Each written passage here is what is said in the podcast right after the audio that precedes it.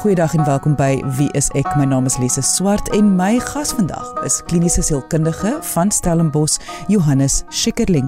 En ons praat vandag oor beide klouerige kinders en klouerige ouers.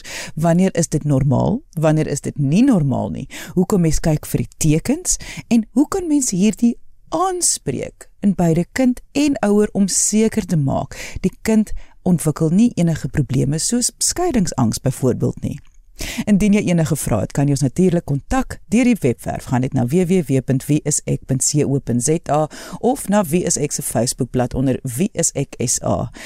Maar kom ons luister nou eers na my gesprek met Johannes Schikkerling oor klouerige kind en klouerige ouer. Johannes, ek wil vandag gesels oor beide 'n klouerige kind, maar ook 'n klouerige ouer. So kom ons gesels net gou-gou oor wat is die definisie of die terminologie wat ons nou hierso hierso van praat. Wat is 'n klouerige kind en wat is 'n klouerige ouer? Klouerige kinders is eintlik 'n deel van normale ontwikkeling. So so kinders het eintlik daai veiligheid nodig. Hulle het uh, nodig om te weet wie kan hulle vertrou, wie kan hulle nie vertrou nie. So 'n deel van van klouerigheid is eintlik baie gesond, veral as hulle baie klein is. Ouderdomme van 4 tot 7 maande dat kinders dan begin om te besef o, okay, hierdie objek of hierdie persoon is permanent. Met ander woorde, as hulle weggaan, gaan hulle nie dood nie. Hulle kan weer terugkom, maar die onsekerheid wat daarmee saam gaan is wanneer kom hulle terug. Hier vanaf 8 maande tot 'n jaar oud begin hulle meer onafhanklik raak en en dan kan ons sien hulle kan uh, makliker skeiding neem van hulle ouers. En dan sien ons weer 'n terugkom daarvan hier net so na 2 waar kinders skielik weer baie 'n uh, uh, klouerig raak aan hulle ouers, net wie om daai ding te kry van is ek nog veilig? Is ek gemaklik by my ouers? En hier van skoolgaande ouderdom verwag ons eintlik dat kinders nie meer so erg klouerig is nie en dat hulle redelik met onafhanklikheid na 'n skooltjie kan gaan dat hulle dit eintlik geniet. En wat is 'n klouerige ouer? Klouerige ouer is iemand wat eintlik dit baie moeilik vind om die kind te laat gaan. Met ander woorde, sodra die kind huil of ongemaklik is, dan hardloop die ouer na hulle toe en hulle onderneem eintlik die kind die vermoë om onafhanklik te groei. Ons sien dit baie keer met ouers wat wat kompenseer die hele tyd vir vir kinders. Hulle gryp goedjies uit hulle hande uit. Hulle gee hulle nie kans om te eksploreer of om foute te maak nie. Hulle wil altyd hê alle transisies met ander woorde tussen huis en skool of tussen uh, uh as hulle nou werk toe gaan moet gemaklik wees. En daar is 'n deel van normale ontwikkeling wat dit nie gemaklik is nie wat dit is dit is vir sleg vir die kind um, om om te laat gaan maar dan weet ons baie keer dan bel die ma later in en sê nee die kind is eintlik heel gelukkig by die skool uit heeltemal van jou vergeet nie in aanhalingstekens. Hy is eintlik heel happy by die by die skool. En dan sien ons baie keer dat ouers vind dit geweldig moeilik om te laat gaan. En en hulle het 'n onrealistiese verwagting dat alle skeiding gaan maklik gebeur of moet gebeur met 'n 'n mooi gemoed en dit is nie noodwendig realisties nie. Nou wanneer mens praat dan nou van kinders wat klourig is, na watter aspekte kyk ons spesifiek? Ons kyk spesifiek na iets wat ons noem skeidingsangs en dit is wanneer kinders sukkel om te skei van ehm um, hulle die persone wat na hulle kyk en dit hoef nie noodwendig ma en pa te wees nie, maar dit dit dit is die bekende persoon. Dit kan soms die nanny wees of of oupa of oupa of net van van die een plek na 'n ander plek toe. En daaroor sien ons dan uh, wat kinders ervaar is dat hulle weier om alleen te slaap. Hulle kry baie nagmerries oor um die tema van skeiding. Hulle is bang as hulle weg is van die huis af of van hulle familie af. Hulle bekommer hulle te veel oor die veiligheid van familielede eh, van ma waar is ma wat doen sy nou wil alles presies weet vir elke min, minuut waar sy gaan is baie bang dat hulle verlore raak of hulle raak weg.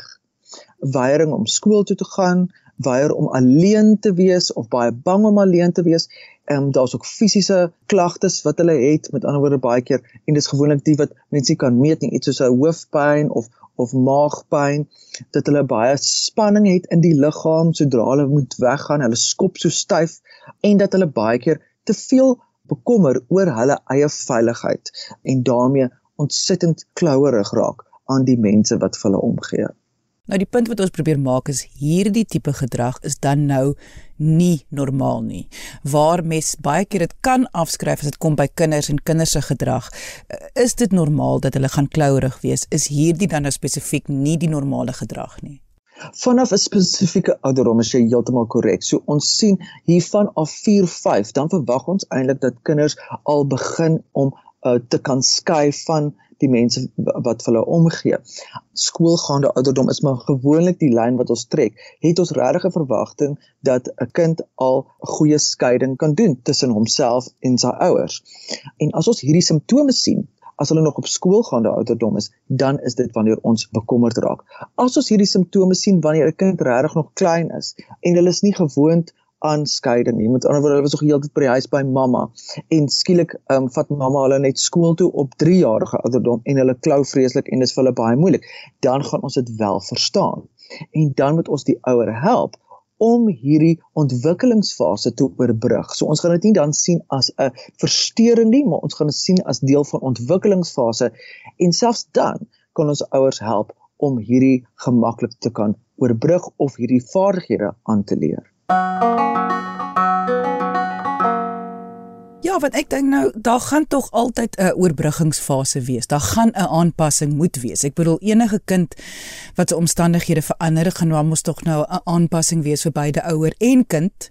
So mens kan verwag daar gaan so 'n bietjie van 'n kom ons sê 'n krap periode wees waar almal so 'n bietjie gaan sukkel. Hoe lank mag daai periode wees? Wanneer moet 'n mens dan nou besef wag, okay, my kind vat dit nou so bietjie te ver. Hierdie is nou bietjie te erg vir my kind. Ja ja ja. Ons sien dit gewoonlik in die gedrag van die kind as hulle regtig soos 'n tantrum gooi of hulle hulle hulle gaan absoluut in paniek in of uh, kry 'n angsaanval, dan weet ons dit is baie ernstig in daai moment. Maar wat ons graag vir ouers wil leer is eintlik voorbereiding, voorbereiding, voorbereiding. En, en dit is hoe beter jy 'n kind voorberei vir iets, hoe makliker is dit om 'n transisie te doen, om te beweeg van een plek om dan die skeiding te doen want hulle het 'n goeie idee van wat om te verwag. En, en dit help baie keer die ouers ook. Ek weet skole is lees daar fantasties daarmee dat dat uh, die graad R of die, of graad 1 gaan 'n dag voor die tyd of die aand voor die tyd ontmoet hulle al die onderwyseres. Hulle sien al hulle klasie sodat hulle as hulle die volgende dag skool toe gaan, is hulle al gewoond en hulle weet presies hoe laat kom mamma my haal, waar gaan mamma my kry, waar moet ek staan en dit help kinders geweldig baie. Indien ons sien dit is 'n tydperk van 'n maand of langer wat 'n kind so 4 weke, 3 tot 4 weke of langer wat 'n kind aanhou met dieselfde simptome wat hulle weier klouerig is, so dan begin ons regtig bekommerd raak en sou ons sê dat 'n persoon moet hulp by vra. As jy nou sê mens moet begin bekommerd raak, waaroor raak ons dan nou bekommerd? Wat is die kommer vir wanneer die kind eendag groot is of nou wat wat gaan nou verkeerd kan gaan? Ons is bekommerd dat die kind nie die nodige vaardighede ontwikkel nie en as hulle nie in 'n kindsbeen hierdie vaardighede ontwikkel nie, sien ons dat dit wel 'n effek het op latere leeftyd. Met ander woorde, uh, uh, ons weet vanuit ontwikkelingssielkunde verstaan ons dat vir al die eerste uh, 12 maande en selfs daarna wanneer vertroue en wantroue geskep word So ons wil hê dat hierdie kind moet leer wie om te vertrou, wanneer om te vertrou, wanneer is dit goed om te vertrou en nie die wêreld sien as een groot gemors, onvoorspelbare plek nie. So ons wil baie graag hê dat hierdie is die eerste fase van 'n psigologiese ontwikkeling is dat hulle kan kan vertrou en kan weet uh, uh, en, en die verskil te kan onderhandel tussen vertroue en en wantroue. Daarna sien ons die ontwikkelingsfase is dan tussen autonomie en twyfel. En dis omtrent tussen jaar 1 en 3 wat hulle hierdie begin ontwikkel. Is wanneer kan ek myself vertrou en wanneer moet ek in myself twyfel? Wanneer ek moet wanneer moet ek hulp vra? En hierdie is ook 'n belangrike basisfase wat ons wil hê. So hierdie goeters wil ons baie graag goed neerlê en nie trauma daarvoor voor veroorsaak nie, want dit gaan later in latere leeftyd baie moeite vat vir 'n persoon om hierdie tipe vertroue en autonomie terug te kry. So ons wil graag hê dat ouers eintlik 'n uh, mooi fokus hierop en daar is baie oulike vaardighede wat ons vir ouers kan leer hoe om dit maklik te kan oorbrug. Johannes, 'n ouer wat sukkel met skeidingsangs, gaan mos nou sukkel om hulle kind te help met skeidingsangs. Absoluut. Absoluut. Jy's heeltemal reg. So ouer wat gewoonlik trauma ervaar het uh, uh, as 'n kind of baie bang is of selfs nou nog sukkel met skeidingsangs um, of of wat ons eintlik sal noem 'n tipe afhanklikheidspersoonlikheid het, uh, gaan definitief daai tipe angs op hulle kind projekteer. En, en en dit is waarvoor ons baie keer versigtig is. So ons moet altyd ouers en kinders sien wat hulle albei is in die proses. Want dit kan wees dat die kind hou mos nou die hele tyd die ouers dop om te kyk wanneer is dit veilig? Wanneer kan ek myself vertrou? Wanneer kan ek jou vertrou? En as die ouer die hele tyd onseker is daaroor en eintlik 'n verwagting het dat die kind hulle moet laat dan dan gaan ons in 'n in 'n baie moeilike fase in want dit moet eintlik andersom wees nê die die kind moet eintlik die ouer volg en nie en nie andersom nie. So dit is dan ook belangrik dat daai ouer ehm um, genoegsame terapie en ondersteuning kry vir dit waarmee hulle sukkel in die vorm van skeiingsangs. Jy luister na Wie is ek? My naam is Lise Swart en my gas is kliniese sielkundige Johannes Schikkerling en ons praat vandag oor klouerige kinders en klouerige ouers en hoe kan mens sien wanneer is dit 'n probleem? Indien jy enige vrae het, kan jy ons kontak deur die webwerf gaan net na www.wieisek.co.za of deur ons Facebookblad onder Wie is ek SA. Johannes, soos ons nou gehoor het, Dit kan normale gedrag wees by kinders tot 'n sekere ouderdom. Kom ons sê nou maar skoolgaande, dit maak dit 'n bietjie meer eenvoudig. Skoolgaande ouderdom om klourig te wees. Dit dit dit dit val nog binne die gemiddeld en die normale. Maar nou waar daai selfde ouderdomsgroep is dit nou nie meer so normaal as die ouers nog klourig is nie. Maar tog voel dit vir my jy sou dit al vroeër tog agtergekom het. Jy jy gaan tog nou nie in graad R agterkom jy sukkel en jy's 'n klouerige ouer vir die eerste keer nie. Jy sou dit mos al vroeër agtergekom het. So wanneer waarvoor moet ouers uitkyk om te sien hoe klouerig is hulle? Dit hang regtig af van van situasie tot situasie want daar's 'n daar's 'n daar's 'n vlak van absolute normaliteit waar jy natuurlik baie bekommerd is oor jou kind. Ek meen dit is dit is dit is seker die die mees waardevolste besitting wat jy het en waarvoor jy die mees verantwoordelik voel. Ons sien baie keer dat ouers self sukkel om terug te gaan werk toe, dat hulle obsessief raak oor die kind, dat hulle nie toelaat dat dat ander mense en dit is eintlik maar waar ons die grootste deel van van die skeidingsangs sien is veral wanneer ons sien dat ouers te beskermend is teenoor hulle kind en glo hulle is die enigste een wat hierdie kind se behoeftes kan aanvoldoen. Met ander woorde, hulle kan nie eers die kind vir ouma gee en 'n rukkie gaan lê op die bed nie. Mamma moet die hele tyd daar wees. Kan nie eers vir pappa vertrou om die kind te bad nie. Ehm um, raak ontsettend obsessief as enige iemand uh, die baba wil vashou net om te kyk na die baba of of of selfs familielede of kan hulle nie eers vir 'n rukkie alleen los nie, moet die hele tyd daar wees. Dit is wanneer die rooi vlae alreeds uh, opspring en wanneer ons dan weet ouers is, is geweldig klouerig. Soms dink ons stereotyp daaraan dat dit net ma's kan wees. Baie keer is dit pa's ook. Mense moet mag nie net kom kuier nie. Hulle moet afsprake maak en hulle mag nie vat nie en hulle moet hulle skoene uittrek en hulle jy weet mense kry verskillende ouers wat verskillende dinge in plek sit om te waarborg dat daar glad nie skeidings is nie. So jy as 'n ouer moet jouself ook voorberei om stelselmatig soos wat 'n kind ontwikkel, ook skeiding te kan toepas. Het sy dit net die baba aan iemand anders se hande te vertrou? Het sy dit net toelaat dat iemand anders die baba voer uh, om saam met die baba te speel? Jy weet om regtig ander mense te vertrou. Natuurlik binne 'n sekere konteks. Maar ons sien baie keer dat dat veral kinders wil eintlik stoei met pappa en dan kom mamma tussenin en sê nee, dit is te gevaarlik. Terwyl daar eintlik pappa voel eintlik heeltemal in beheer. Maar mamma voel te oorbeskermend. So dit is wanneer die rooi vlae veral opgaan. As ons op daai jong jong ouderdom al sien dat dat die ouers oorbeskermend is en glad nie ander mense vertrou met hulle kind nie. Net die langtermyngevolge, as ons dit net kan bespreek, hoekom is dit nou nie, nie die die beste idee nie? Die langtermyngevolge is eintlik dat jy hierdie idee in jou kind uh, uh, skep en eintlik 'n angs vir jou kind skep dat die wêreld rondom hulle 'n gevaarlike plek is. Dat hulle self nie iemand mag vertrou nie want as mamma of pappa of die mense wat na my kyk, my nie uh, die persone nie kan vertrou nie, dan mag ek nie die persone vertrou nie. En dit is hoekom dit so belangrik is dat ons daar 'n oorhandigings is situasie is dat ons van een persoon na 'n ander persoon kan oorhandig. Dat mamma vertrou hierdie persoon en dis vertrou ek ook hierdie persoon. En dit gebeur baie keer by skole. Ek oorhandig my kind aan die juffrou of ek oorhandig my kind aan oor aan ouma wat vanaand kom babysit terwyl ek en pappa date night het. En ons is almal gelukkig oor die oorhandiging en ons gee daai voorbeeld vir die kind. En ons weet kinders meer uit voorbeeld uit as wat hulle leer uit dit wat jy sê.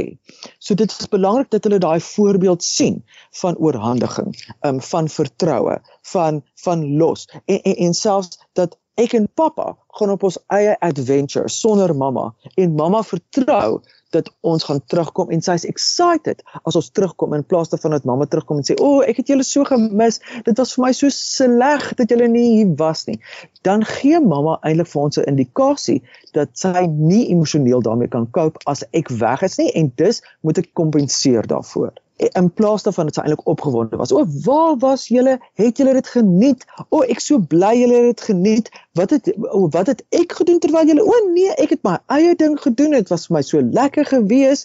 Um en baie keer sien ons dit dat dat ouers rolle omruil. Ek en sussie het ietsie gedoen en dan is dit pa en dogter wat weer ietsie doen en so ruil ons dan om om spesiale uh, uh tyd met jou kinders individueel te hê.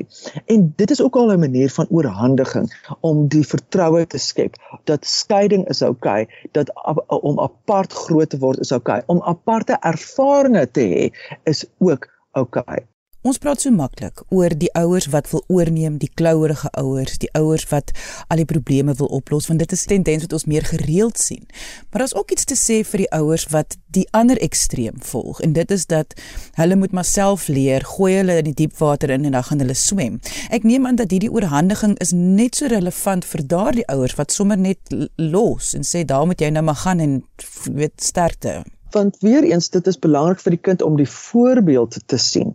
Daar was op stadium met die tendens van kinders weet eintlik alles, hulle moet net gelos word om dit self te ontdek. En ek meen dit is eintlik geweldig wreed as jy nou regtig skeiingsangs wil skep, dan moet jy nou eintlik net 'n kind los en en, en hulle geen vaardighede gee nie, want dan ervaar hulle die wêreld as 'n geweldige 'n gevaarlike plek, as 'n oorweldigende plek waar niemand vir jou hulp kan gee nie. Jy mag nie vir hulp vra nie en jy is verlore. So so dit is net so gevaarlik hierdie tipe verwaarlosing waarna ons kyk. So dit is so belangrik dat selfs hierdie ouers ook hierdie oorhandiging doen, ook hierdie vaardighede aanleer vir hulle kind sodat die kind nie voel hulle word in die diep kant ingegooi of verwaarloos nie en dat hulle nie alleen in hierdie wêreld is nie. Baie keer haal ek my hoed af vir ouers wat dit wel reg kry om dan nou wel hierdie balans te vind tussen wanneer ek moet klouerig wees, wanneer ek nie moet nie, wanneer ek moet laat gaan, wanneer ek moet vashou, wanneer ek moet ondersteun makliker gesê as gedaan. Ek verstaan dit absoluut. So, wat doen ouers dan? Moet hulle dan vir um, hulle vriende vra? Hoe kan jy seker maak dat jy is besig om hierdie balans te behou? Twee dinge. Een is dat jy ken jou kind eintlik baie goed en jy is die persoon wat jou kind eintlik die beste ken. En jy weet ook mos nou waar waarvoor jy die kind moet voorberei, wat die volgende fase is van waar ons wil hê. So met ander woorde, as ons wil hê die kindjie moet skool toe gaan, kleuterskool toe, dan weet ons ons moet hulle voorberei daarvoor. As ons wil hê die kindjie uh, uh moet by ouma gaan bly uh, vir 'n nag en dit is die eerste keer wat ons doen, dan berei ons hulle voor daarvoor. So ken jou kind goed, hê goeie kontak met jou kind, leer jou kind se persoonlikheid ken en dan gaan jy regtig uh uh weet hoe om die volgende fase aan hulle te oorhandig of oor te dra of goed voor te berei.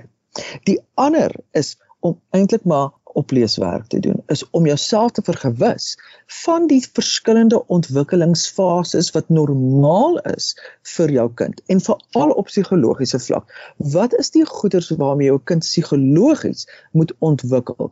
En en ek ek sien dit dit gee ouers geweldige goeie 'n uh, uh, handvate om te weet as my kind nou skielik klouerig raak. En ek meen baie keer is dit lekker om vriende en vriendinne te hê wat kinders op dieselfde ouderdom het sodat hulle ook kan beamoen om te sê, "O ja nee, ek het gelees in hierdie boek of ek was jy weet daar of ek het hierdie program geluister" en hulle sê eintlik dis heel normaal dat kinders weer baie klouerig raak uh, so tussen 2 en 3 dat ons net kan navorsing doen of presies weet op watter ontwikkelingsfase is dit en dat ons dit dan gepas kan aanspreek.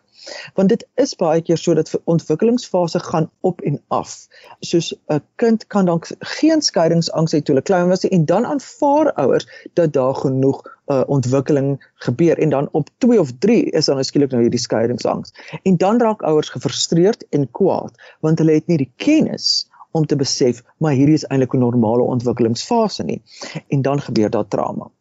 Ons wil ook in ag neem dat die lewe gebeur en ons wil dit ook noem dat in 'n land wat geweldig veranderlik is, gebeur daar trauma, gebeur daar inbrake, verhuis ons, gebeur daar iets met 'n ouer wat skielik siek raak, is daar iets met die kind wat siek raak. Jy weet daar's baie dinge wat verander in 'n mens se lewe en dat ons ook dan dit in gedagte hou dat daar 'n uh, omgewings gevalle is wat veroorsaak dat kinders dan verskillend reageer en dat ons dit in ag neem.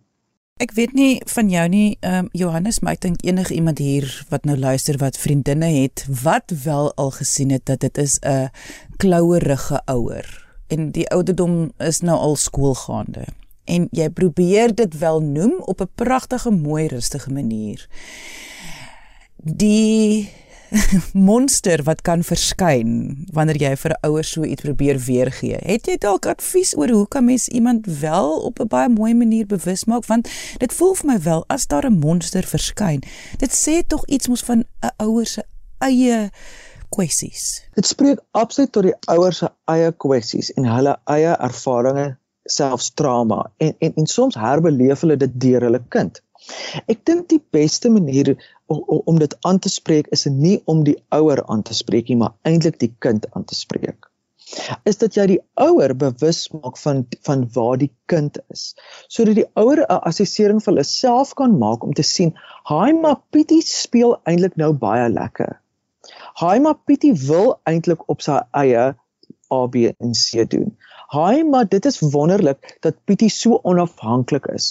Sodat die ouer nie gekritiseer voel nie, maar dat hulle eintlik dan 'n objektiewe kyk kan kry oor die kind en dan 'n beslissing kan maak oor hulle ouerskap rakende die kind en nie net vasval in hulle eie angs nie. Want baie keer voel mense dat hulle die ouer wil aanval of hulle wil die ouer help en die ouer is eintlik nie ontvanklik vir advies nie. En dis wanneer jy daai monster sien uitkom, nê? As as mense raad wil gee vir, vir, vir wanneer daar nie raad gevra is nie. Jy weet en da, en dan raak hulle aanvallerig. So is dan eerder om kommentaar te lewer oor die kind dat die ouer begin 'n selfassessering doen oor wie se issue is dit nou eintlik? Is dit Pietie is eintlik fine, maar dis ek wat sit met die bekommernis. En dit is eintlik die beste advies uh, uh, wat wat ons die op die stadium vir mense kan gee. So opsommend Johannes kom dit daarop neer dat 'n klouerige kind dit is normaal en vanaf skoolgaande ouderdom moet mens begin kyk daarna dat dit net nie buite beheer raak nie. En dan as dit kom by 'n klouerige ouer, moet 'n mens maar navorsing doen. Jy moet inligting inwin om te weet wanneer is die regte ouderdoms uh, gepaste ouderdomsgroepering vir klouerigheid en kyk na jouself van hoe hoe hoe maklik kan jy laat gaan en jou kind net laat wees, maar altyd natuurlik die ondersteunende ouer rol vervul. Absoluut, jy is heeltemal reg.